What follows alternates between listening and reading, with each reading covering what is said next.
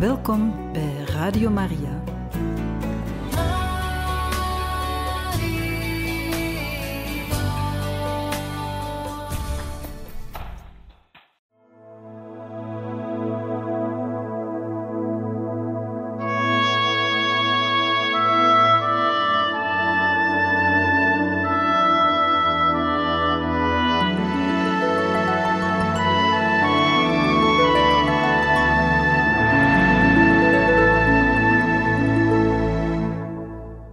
Belofte van hospitaalzusters.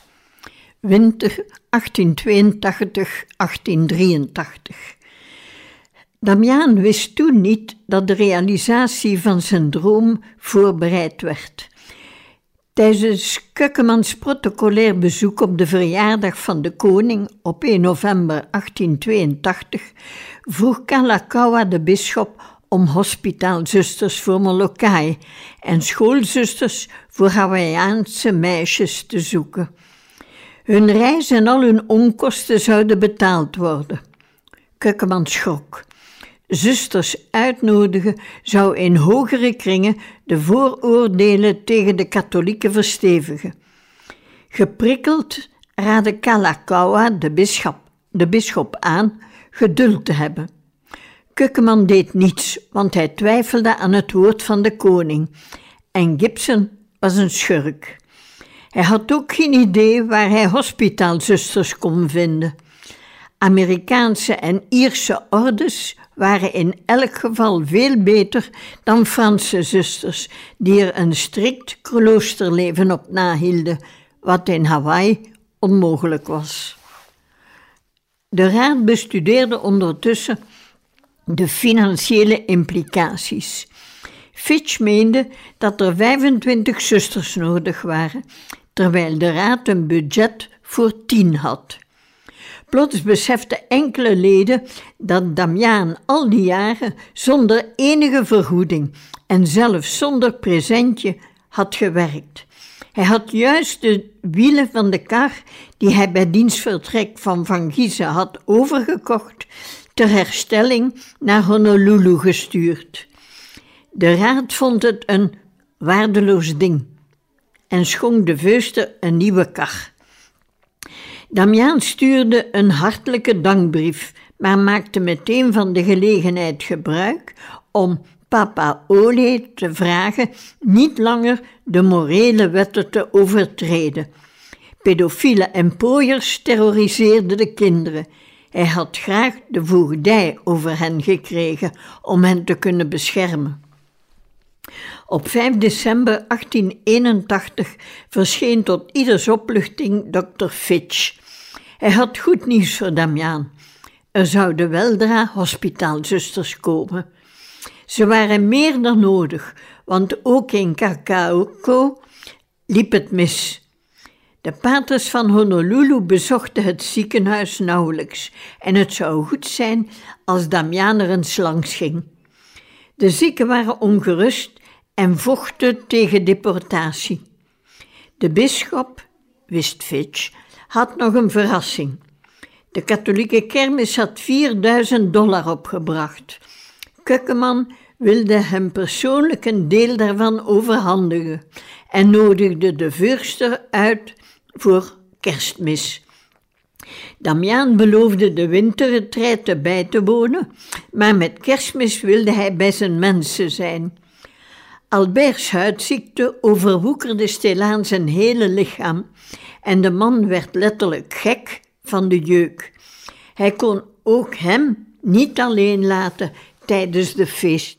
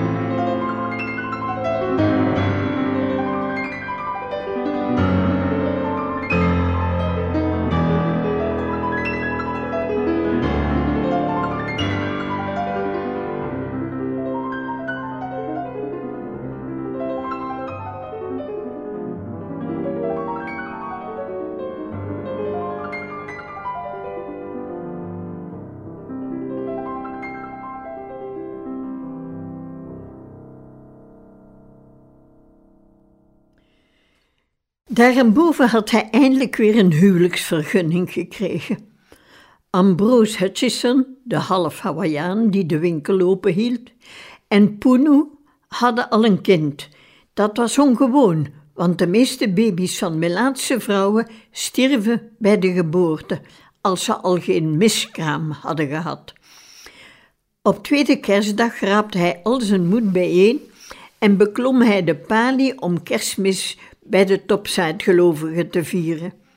Het was een helle tocht. Zijn linkervoet was één en al pijn. Hij landde in Honolulu op 30 december. Daar kwam België hem heel nabij. Er was een brief van Pamphile die hij meenam naar zijn kamer. Hij moest gaan liggen, want de hele overtocht was hij zeeziek geweest en hij vreesde die dag geen preek te kunnen houden. De brief was vele bladzijden lang.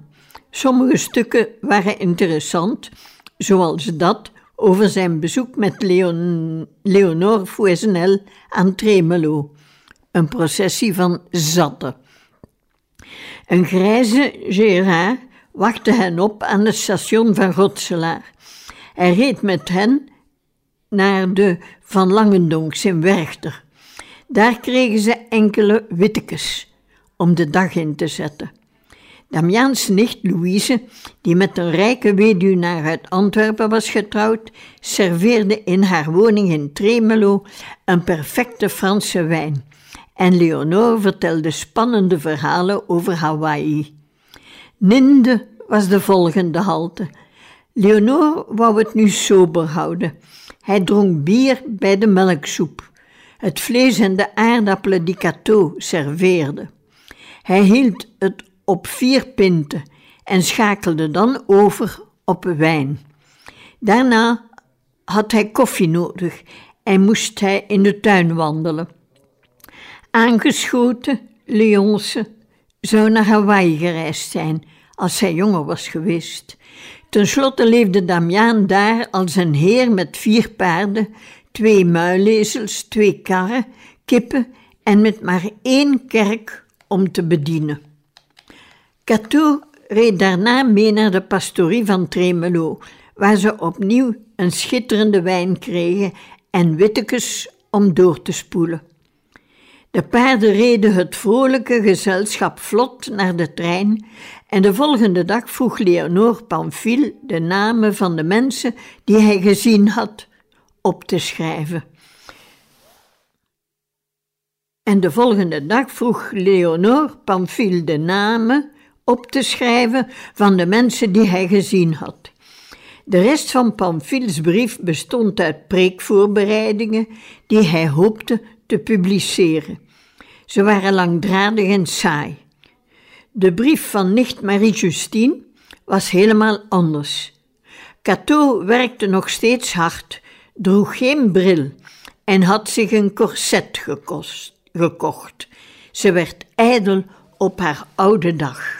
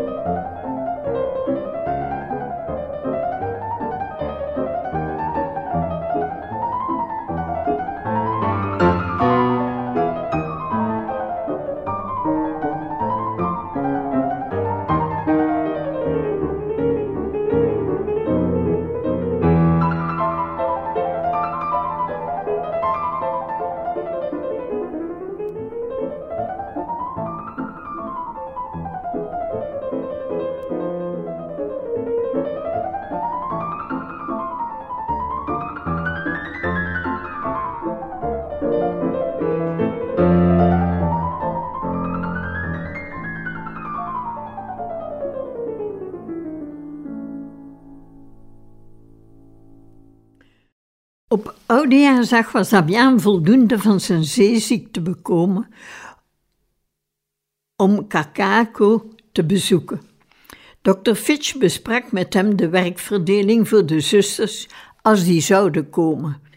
Van Giezen, die nu als steward was in Kakauka, toonde hem de kapel die hij zelf gebouwd had in zijn vrije tijd.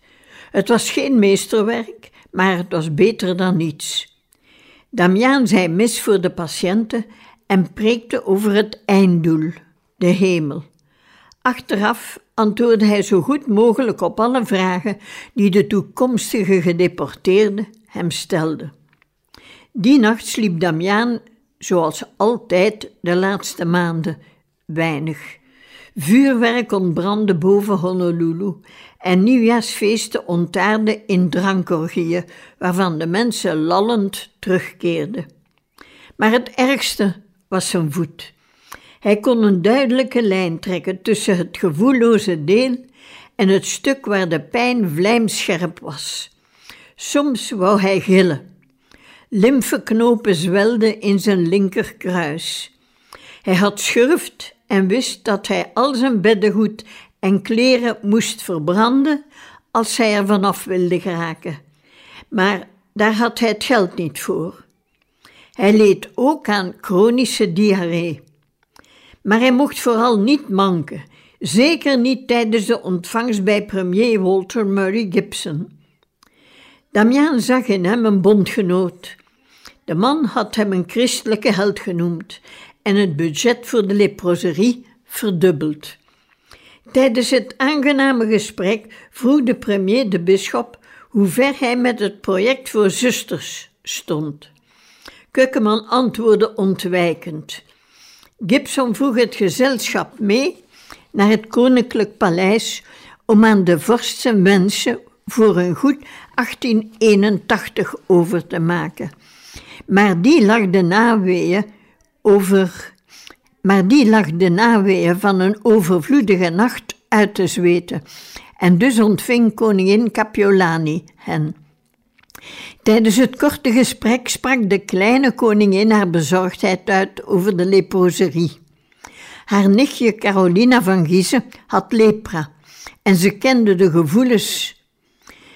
Gibson kondigde plechtig aan dat er weldra hospitaalzusters zouden komen. De koningin zuchtte. Ik ben zo gelukkig. De premier voelde zich gesteund en stuurde de dag na Damiaans 43ste verjaardag aan Kukkeman een verslag van de laatste vergadering van de Gezondheidsraad. Verpleegsters waren noodzakelijk. Citaat.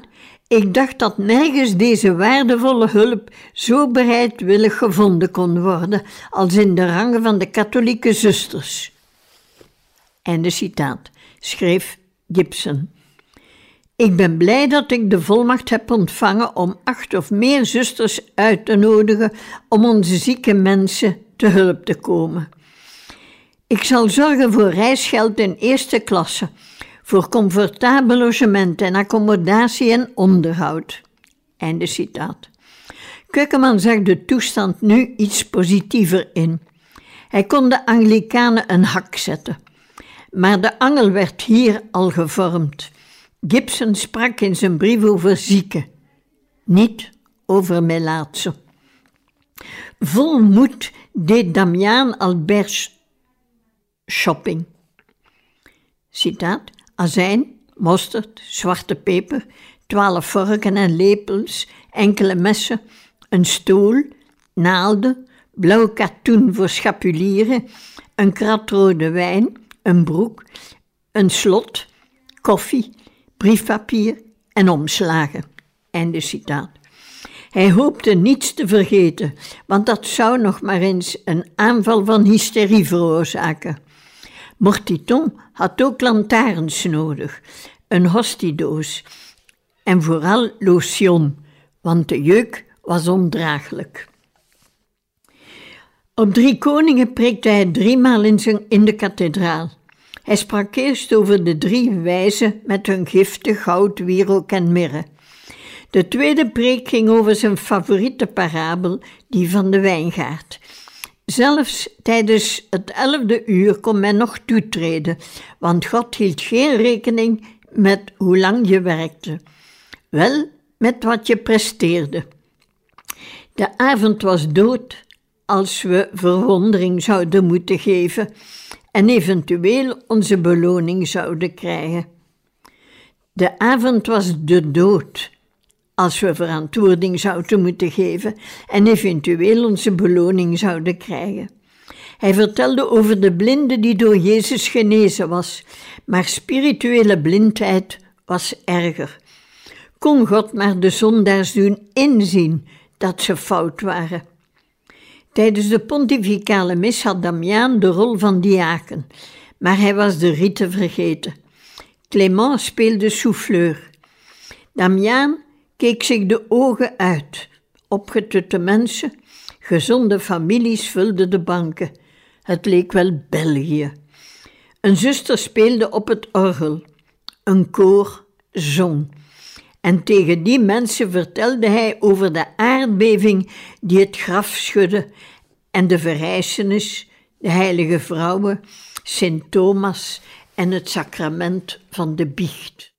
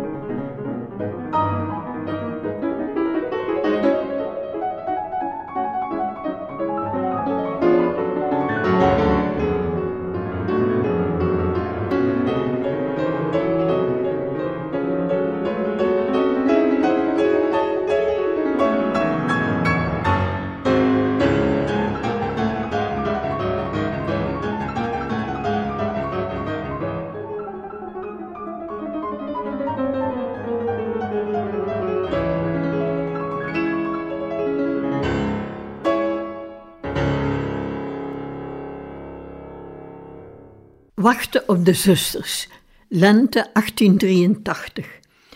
Terug in Kalawao preekte hij over Melaatse vandaag, maar niet in de hemel. En over Lazarus, die uit het graf was verrezen. In de namiddag bezocht hij de zieken en noteerde met een purperen potlood hun wensen in zijn klein zwart boekje dat hij altijd bij zich had.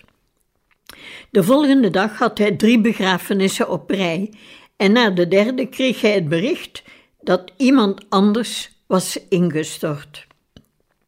Toen kwam er een briefje van Albert. Hij hield de jeuk niet meer uit en moest onmiddellijk Damiaans badkuip hebben. Zijn kist wijn was op. Damiaan had in Honolulu stoffen voor melaatse gekregen en die mochten wat Albert betrof alleen maar katholiek alleen maar naar katholieken gaan die goed getrouwd waren of maagdelijk leefden en die zondags naar de mis gingen. Damiaan wilde ze aan de meest behoeftigen geven, wat ook hun godsdienst was. Dit was zo ondenkbaar dat Albert er niets meer mee te maken wilde hebben. Een paar dagen later deed volgens Albert Damiaan alleen maar goed om de eer op te strijken. Hij was een ijdele egoïst. Damiaan antwoordde dat de eer naar de orde moest gaan. Alle goeds dat men over hem zei, was bestemd voor de missie. Om van het gezeur af te zijn, stelde hij Kukkeman voor de twee parochies samen te voegen. De bisschop volgde opnieuw. Albert behield de bestaande toestand. Albert wilde wel dat Damiaan alle contacten met de overheid op zich nam. Damiaan kon alleen hopen dat het orgel dat hij voor Albert had gekocht zijn woede zou doen bekoelen. Hij verlangde naar de momenten waarop er niet gekrijsd werd. Bij de post zat een schitterende uitnodiging, die nu nog in het museum van Tremelo hangt. Een uitnodiging voor de kroning van koning Kalakaua. Maar Kukkeman wilde dat Damian in Molokai bleef, want hij was net in Honolulu geweest. Op 12 februari 1883 zette Kalakaua op zijn Napoleons de 10.000 dollar dure, met juwelen versierde kroon op zijn hoofd. Hij droeg een cape uit veren boven zijn uniform, wat voor de Haole een heidens symbool was. De mannen met de Kahili-standaarden stonden stokcijf en in de haven weer klonken kanonschoten. En toen kwam de hula. Dr. Hyde schreef geschokt, citaat, het melaatse gezicht van de Fallische aanbidding heeft zich getoond. Einde citaat. Kukkeman had ook zijn bedenkingen bij een vorst die dergelijke toestanden toeliet. Hij twijfelde daarom of het wel verantwoord was de zusters te laten komen. Fitch, dokter Fitch, een rabiaat protestant, bleef de zaak verdedigen. Toen de overheid hoogstens tien zusters wilde uitnodigen, trachtte hij de rijke planters te overtuigen er privégeld in te steken. Maar dat mislukte. Kukkeman schoot pas in actie toen Gibson hem het bericht stuurde dat hij het nodige reisgeld en een deel van de verblijfskosten wilde storten op de rekening van de missie. De keuze van een gezant naar de Verenigde Staten was snel gemaakt. Hij zag alleen Leonor Fouesnel, want die had ook al schoolbroeders voor het college in Honolulu gevonden. Als Leonor ook in dit opzet slaagde, kreeg hij het nodige krediet om provinciaal te kunnen worden. Voorlopig was hij nog te omstreden. De opvolgingsstrijd van Régis Mocani, die aan terminale tuberculose leed, was begonnen. Modest zou tot aan zijn dood provinciaal blijven, maar hij was nu eenmaal kinds. Het aantal kandidaten was beperkt want met een Duitse bisschop moest de ordeoverste Fransman zijn. Gulstan Ropert was een mogelijkheid, maar er circuleerden roddels en de man was te jong. Bleef Fouesnel, die tijdens zijn bezoek aan Europa een goede indruk had gemaakt bij de generaal. In zijn brieven klonk het of Kukkeman, ondanks enige twijfels, alleen met Fouesnel echt goed overweg kon. Fouesnel was een controversieel figuur. Regis, Aubert en anderen hadden over zijn dure smaak en luxueus leven geklaagd. Er waren meer dergelijke klachten. Fouesnel leek aan het eenzame wolf-syndroom te lijden. Voor zichzelf was alleen het beste goed genoeg en hij genoot er helemaal alleen van. Hij verdroeg geen fouten bij ondergeschikten, maar kon onmogelijk kritiek aanvaarden. Iemand loven voor een goede prestatie zat er niet of nauwelijks in. Hij gaf om niemand en niemand gaf om hem. Op Kukkeman na. Dat er zusters kwamen, veranderde weinig aan het dagelijks leven in de leproserie. De weg tussen Papa en Kalawao werd hersteld, maar dat schoot niet op, want uh, Kokoas staakte regelmatig. Damian bleef pleiten voor zijn voogdijrecht over verwaarloosde kinderen. Meijer schreef laconiek dat hij de weeshuizen aantrekkelijker moest maken. Dan zouden de ouders de kinderen wel laten komen.